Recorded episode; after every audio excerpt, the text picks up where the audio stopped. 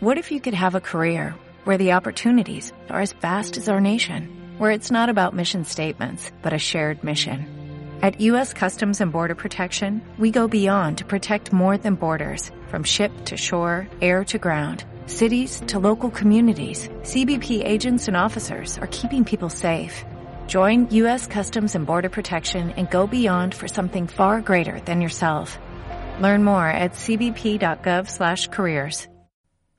Això no toca, la teva dosi setmanal de pujolisme a Sants 3 Ràdio.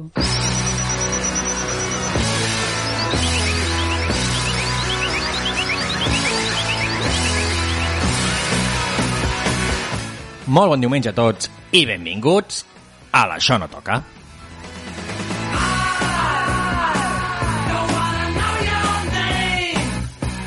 Avui és diumenge 2 de juliol de l'any 2022. Anem al programa 33, el 156è eh, de la nostra història i que porta per títol Avortem, l'Això no toca.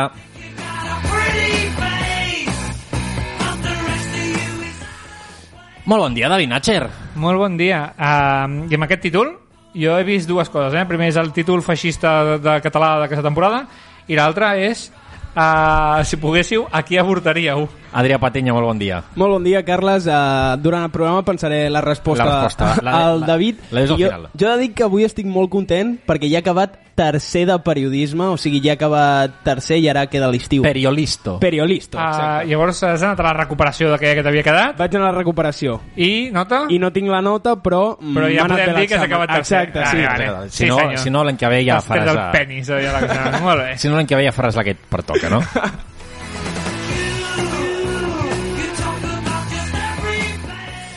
doncs ara toca explicar què portem el dia d'avui, David. Doncs uh, avui us explico una mala notícia als oients, que ja escoltareu a la meva secció, i ja està, parlaré de nosaltres, perquè això és un infern, vull que vaya la temporada una vegada. Adrià, Jo porto la meva famosa secció on sí. faré una mica de periodista que en cap moment ha estat copiada de l'informe Vidal de la Sotana. vale, tu, perfecte. Carles? I jo, doncs, uh, algun que altre feixista, eh, evidentment, i algun que no altre feixista, però que reben els feixistes. Clar que sí. Així va com sempre. Fascismo el bueno.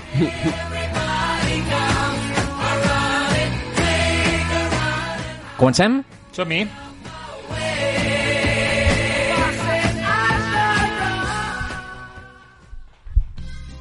Tenim Twitter, Facebook, iVox, Spotify i mil merdes més. I encara no ens segueixes.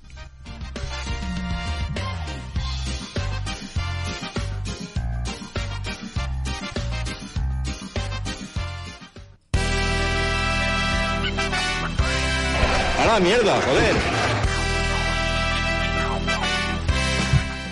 Bon dia a totes i tots. Eh, no us ho he dit abans preparant el programa perquè sóc així, però podeu intervenir en aquesta secció tot el que vulgueu. eh? Vinga, va. Perquè eh, us he de donar una mala notícia i és que avui és l'últim programa canònic de l'Això no toca i ho hem de celebrar. Sí, tu puja la, tu puja la música quan et toqui la puta gana, Carles, clar que sí.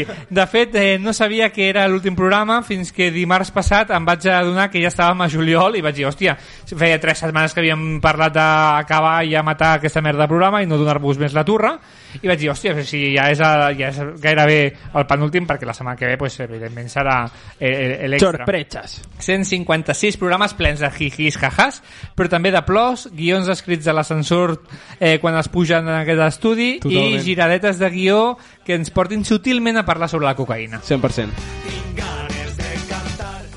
Doncs avui és un dia per celebrar perquè la setmana que ve només penso portar merda. Ah, però no ho has portat durant 156 programes. Pues imagina't, pues imagina't el que serà la setmana que ve.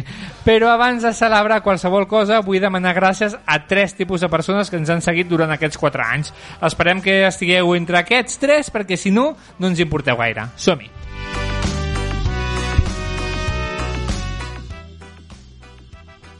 Primer grup de persones importants per l'equip de l'Això no toca. Sí, Adrià, quan el Carles baixa la música... Et toca tu. Parles tu. Tercer de periodisme. Vosaltres, això no toc... Eh, aquest grup sou vosaltres. Això no toquers. Els que ens heu acompanyat des del primer dia, des d'aquell capítol pilot que era infumable fins avui que hem tocat el cel de l'humor. Gràcies als sogres, parelles i pocs amics que ens heu escoltat fins aquí. A partir d'ara ja no us podrem guiar pel camí de la xanza política. Heu de caminar sols i buscar altres podcasts de l'univers català que us facin una mica menys de gràcia que el nostre, com els experts, la Riota o el que és pitjor, gent de merda. Ho sento. Ai, sempre apuntant a la mateixa diana. Segon grup de persones importants per l'equip de l'Això no toca. Els col·laboradors habituals, en Damià, en Pablo Casal, que l'Adrià no sap ni qui és, en Marc Serra, en Guillem Pujol, inclús el Gio, que va venir aquí un dia a tocar els collons i que pot ser alcalde de la seva ciutat, i altres persones que heu eh, corregut per l'estudi o ens heu fet difusió a les xarxes. Sense vosaltres aquest projecte no hagués arribat al share desorbitat que hem tingut durant aquests anys. Hem après al vostre costat i ens heu fet el que som ara, el podcast en català, a més en una ràdio local de Barcelona i que té tres correspon eh, copresentadors amb més audiència. Increïble. A totes vosaltres, gràcies de cor. Tercer grup de persones importants per l'equip de l'Això no toca. Les persones que més m'han important més m'han importat en els assumptes del diumenge al matí dels 4 anys que hem precedit.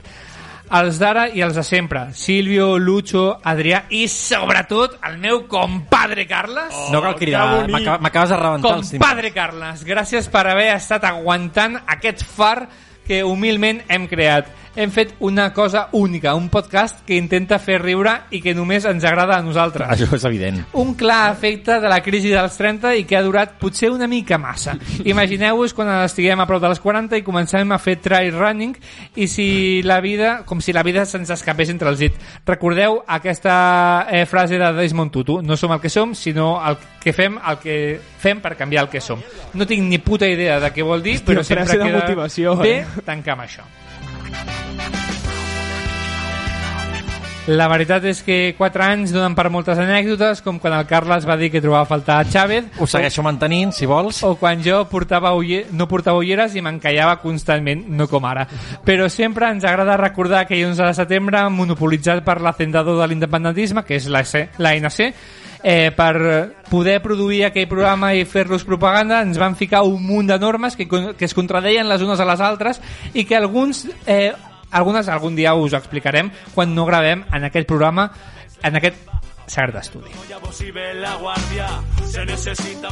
Soc vingut aquí per dir-vos que la ràdio és terapèutica i que espais com Sant Ràdio haurien de multiplicar-se per milions.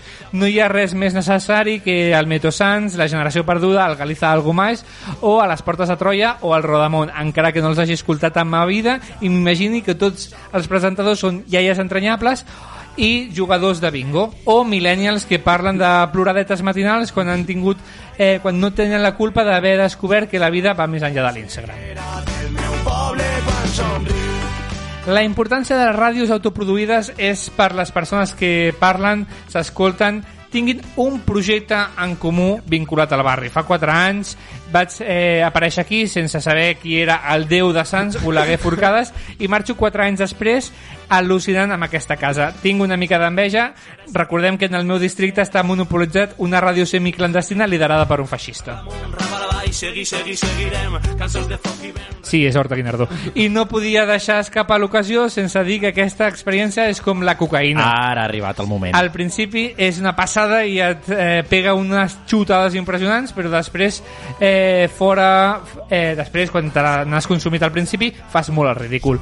Al cap d'un temps la controles i durant un període curt de la teva vida ets el puto amo. Al final necessites desenganxar-te i tornar a viure sense pensar eh, constantment que aquesta cosa que estàs vivint en aquest moment la portaràs en el guió de la setmana que ve. Nosaltres anem a desenganxar-nos, però prometeu-nos, us prometem que recaurem de tant en tant. Ha estat entre bonic i punky, no? Ah, Adrià, tercer de periodisme, quan se puja la veu no... És que anava a fer el comentari però me l'has pujat. Va, va, digues, Anava a digues. dir que ha estat entre bonic i molt punky, no? No sé, el que és una mica yupi també. Només vull acabar dient que gràcies a Sants 3 Ràdio, visca Sants Montjuïc i visca la Núria Feliu. I ole.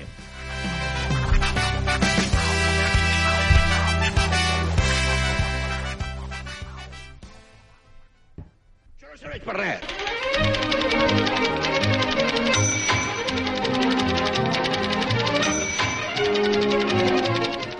Això no serveix per res, Carles. Que no serà l'últim perquè la propera setmana prometo portar tot l'arsenal dels últims 4 anys. Per tant... Eh... Quina mandra. Ah, bueno, coses i coses que... Tira mandra per tu, eh? Jo m'ho passaré bé. Hugo Chávez, a nosaltres parlant amb, amb brasiler, bueno, coses d'aquestes portarem. El Radià ja, ja riu perquè té, té bons records. Vinga, va, agafem l'AVE direct, direcció a Madrid per sentir a un diputat del PP, Pedro Muñoz, eh, del Parlament de Madrid, eh, volia dir. En aquest cas és un atac directe cap a l'esquerra i de pas defensar la seva presidenta. Anem a, anem a escoltar-la. Anem a escoltar-lo, de fet. Dicho la izquierda que esto no era un tema jurídico ahora, lo de el archivo de las denuncias, de los contratos de la Comunidad de Madrid, que era un tema ético. Entonces, ¿por qué lo llevaron a la Fiscalía y los tribunales? Pero si era un tema ético solamente.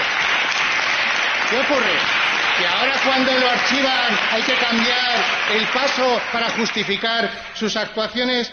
Miren, donde hay imputaciones, que probablemente tengamos alguna en, la- en el Tribunal de Cuentas por la financiación ilegal de Más Madrid, también ocurre en Móstoles, donde resulta que a su portavoz también está imputado. Pero mire, ya sabemos que la izquierda siempre hace lo mismo cuando imputan a los demás, como le pasó, por ejemplo, a la pobre eh, Rita Barberá, que la persiguieron hasta que le dio un infarto, pues resulta que cuando les toca a ellos,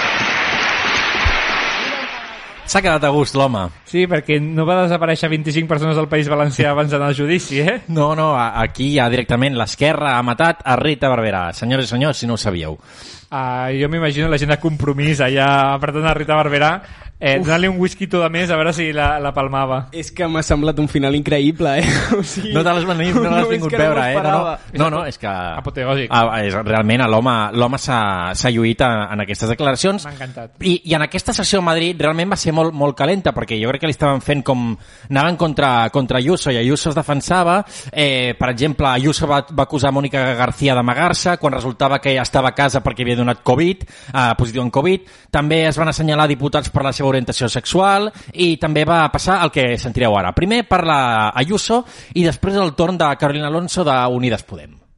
Si quieren abrir un negocio, soportarán menos impuestos y burocracia que en el resto de España. Pido, por favor, un poco de respeto que está hablando una mujer. Gracias. No les diremos tampoco cómo tienen que llevar sus negocios y cómo son hispanohablantes que, lejos de ser expulsados del sistema educativo o de la Administración, serán tratados como ciudadanos de primera.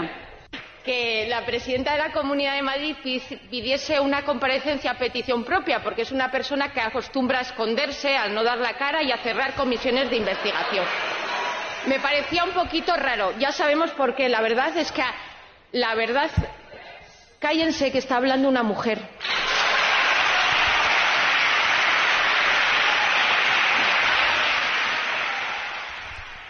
No he acabat d'entendre la primera intervenció d'Ayuso. Al, al final, el, el, el joc està en què Ayuso demana que tothom calli perquè faci...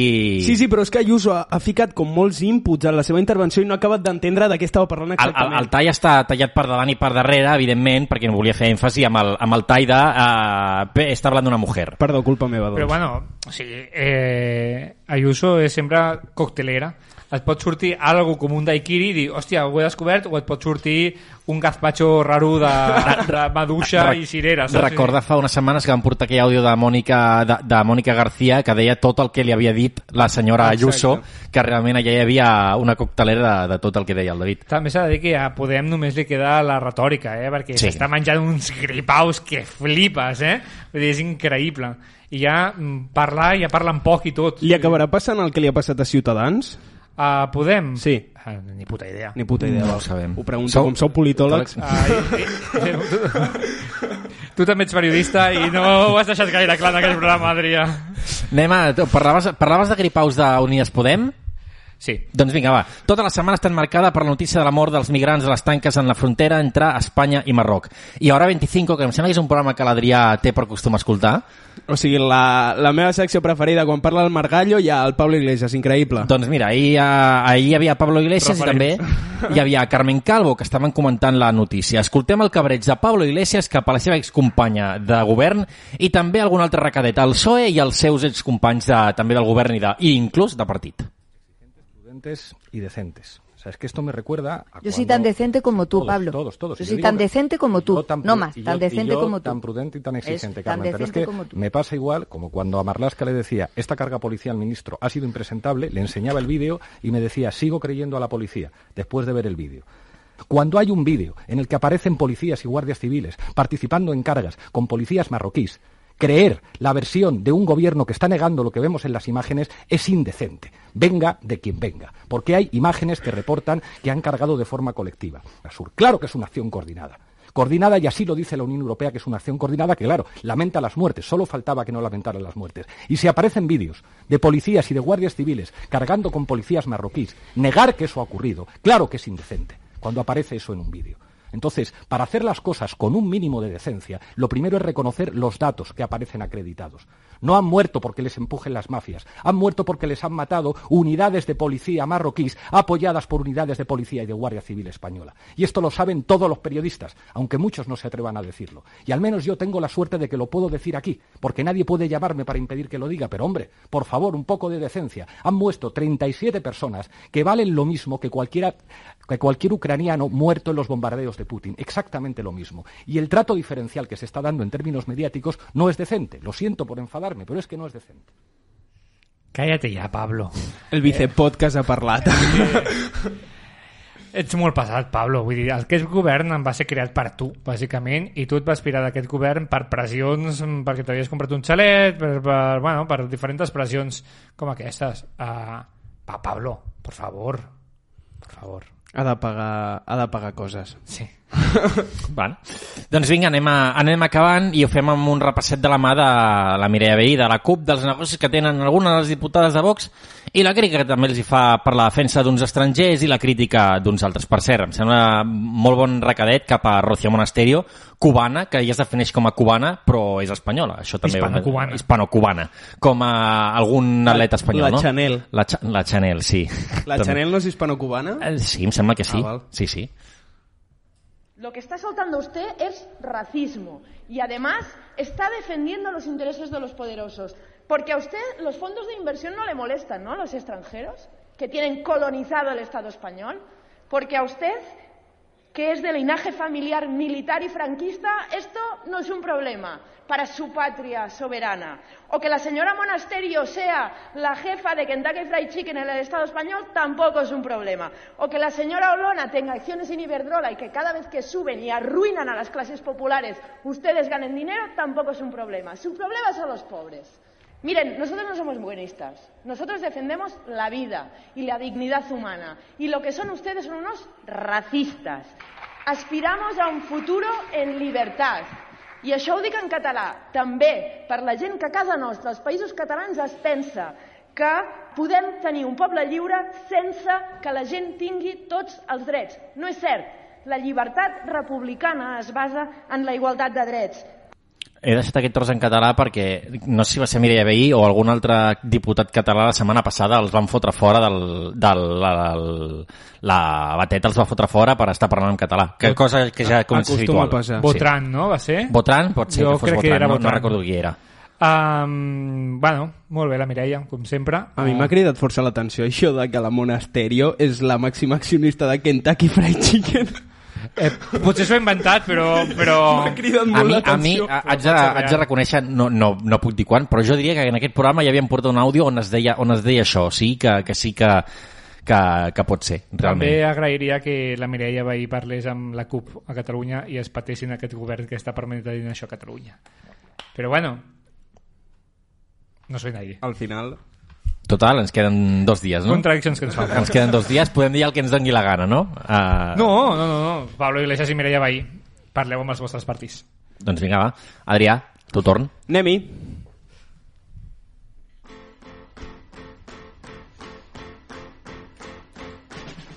L'això no toca pot ser perjudicial per les seves orelles. Llegeixi les instruccions abans de consumir-lo o pregunti al seu politòleg de referència.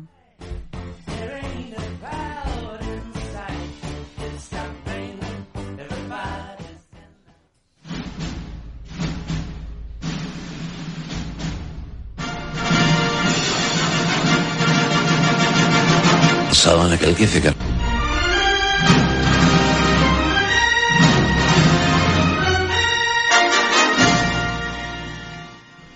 Abans de començar i responent a la pregunta del David, crec que seria Toni Cantó. Sí, avortaries a Toni Cantó. Crec eh? que seria Toni Cantó. Doncs vinga, comencem. Molt bon dia, estimadíssims convergents que esteu a l'altra banda dels auriculars. La pròxima setmana portaré un càlcul de quants cops he dit molt bon dia, perquè jo crec que al principi, quan vaig començar aquí, no ho deia, però ara ja és un gag recurrent. Bé, cada cop em llevo més tard i això només pot significar dues coses. Que he començat l'estiu i he d'adaptar el cos a no tenir feina per no endur-me en un ensurt quan acabi la carrera. L'altra, que no escolto les tres primeres hores del món a Can Basté i no sento les mateixes notícies en bucle centrifugat un cop rere l'altre. Tot i això, quina és la notícia de la setmana? Doncs que el Tribunal Suprem del país eh, on les escoles es fa el live action dels Jocs de la Fam ha prohibit el dret constitucional a l'avortament. I com a bon periodista he portat la meva famosa secció, el PP. Periodisme patiño? No. Periodisme palistos. Carles, música, maestro. Ah, això de maestre m'ho pot dir el David amb... m'ho pot dir el David? No, o sigui, després d'aquesta d'aquesta introducció de periodisme patiño, o sigui, ja estic al·lucinant. Vinga, som-hi. Què està passant? Estem de, de farmàcia. Doncs vinga, com anunciàvem a la presentació de la secció, nou estats dels 50 que formen el país de la meritocràcia. Si la meritocràcia fos tenir sanitat pública, ai, no tenir sanitat pública i abusar policialment de persones racialitzades, ha anul·lat la protecció del dret a l'avortament. Només conèixer la decisió del Tribunal Suprem. Recordem que això significa la negativa a una llei vigent des de 1973, etapa on governava Nixon. És curiós, però president del bàndol republicà, els fatxes americans. Aquests nou estats són Alabama, conegut per ser el maresme dels Estats Units, Arkansas, Kentucky, conegut per ser com la paraula concreta quan la pronuncia la teva àvia, Louisiana, Missouri, Oklahoma, Dakota del Sud, Utah i Wisconsin. Segur que no t'has comentat algun d'aquests estats? Uh, és el que anava a dir ara, o sigui, mentre escrivia això m'ha donat que no tinc ni puta idea de coses d'Estats Units, o sigui, no tenia ni idea de cap cosa de, de cap estat dels Estats Units. Vinga! I pensareu, per què en aquests estats? Digues-ho, David. Per què en aquests estats? Molt bona pregunta. Doncs com passa molts cops a la Terra de la Llibertat, la llibertat se la passen pel forro dels collons. I és que en aquests estats no hi havia pràcticament dret a l'avortament, on era molt limitat, ja sigui per l'escassetat de centres, procediments o emplaçaments. I què significa això, David? I què significa això?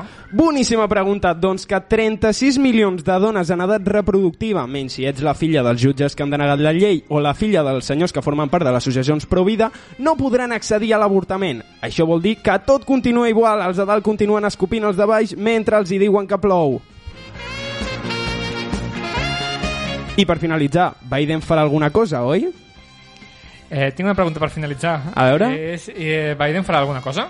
Doncs clar que sí, es llevarà pel matí, mirarà per la cristallera de la seva habitació a la Casa Blanca, es gratarà l'àrea esquerrana dels seus demòcrates i mirarà com tot allò abans era camp i ara és la terra de la llibertat. I quan dic llibertat, vull dir puta merda.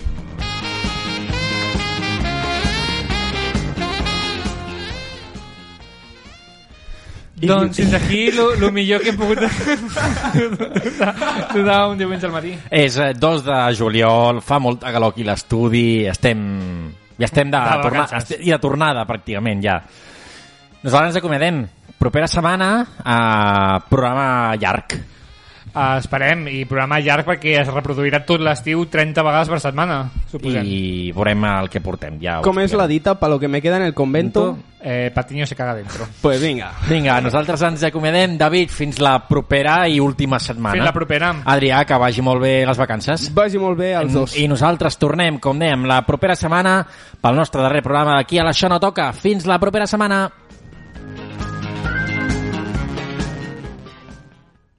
I fins aquí la teva dosi setmanal de pujolisme.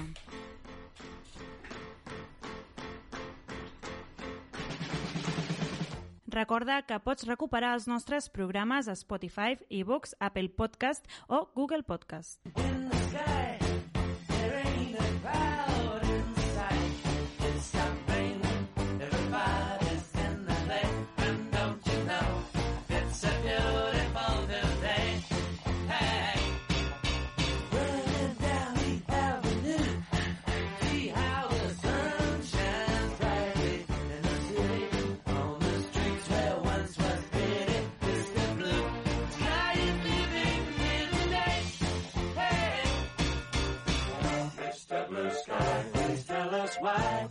to hide away for so long.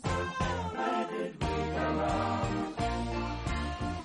Mr. Blue Sky, please tell us why you had to hide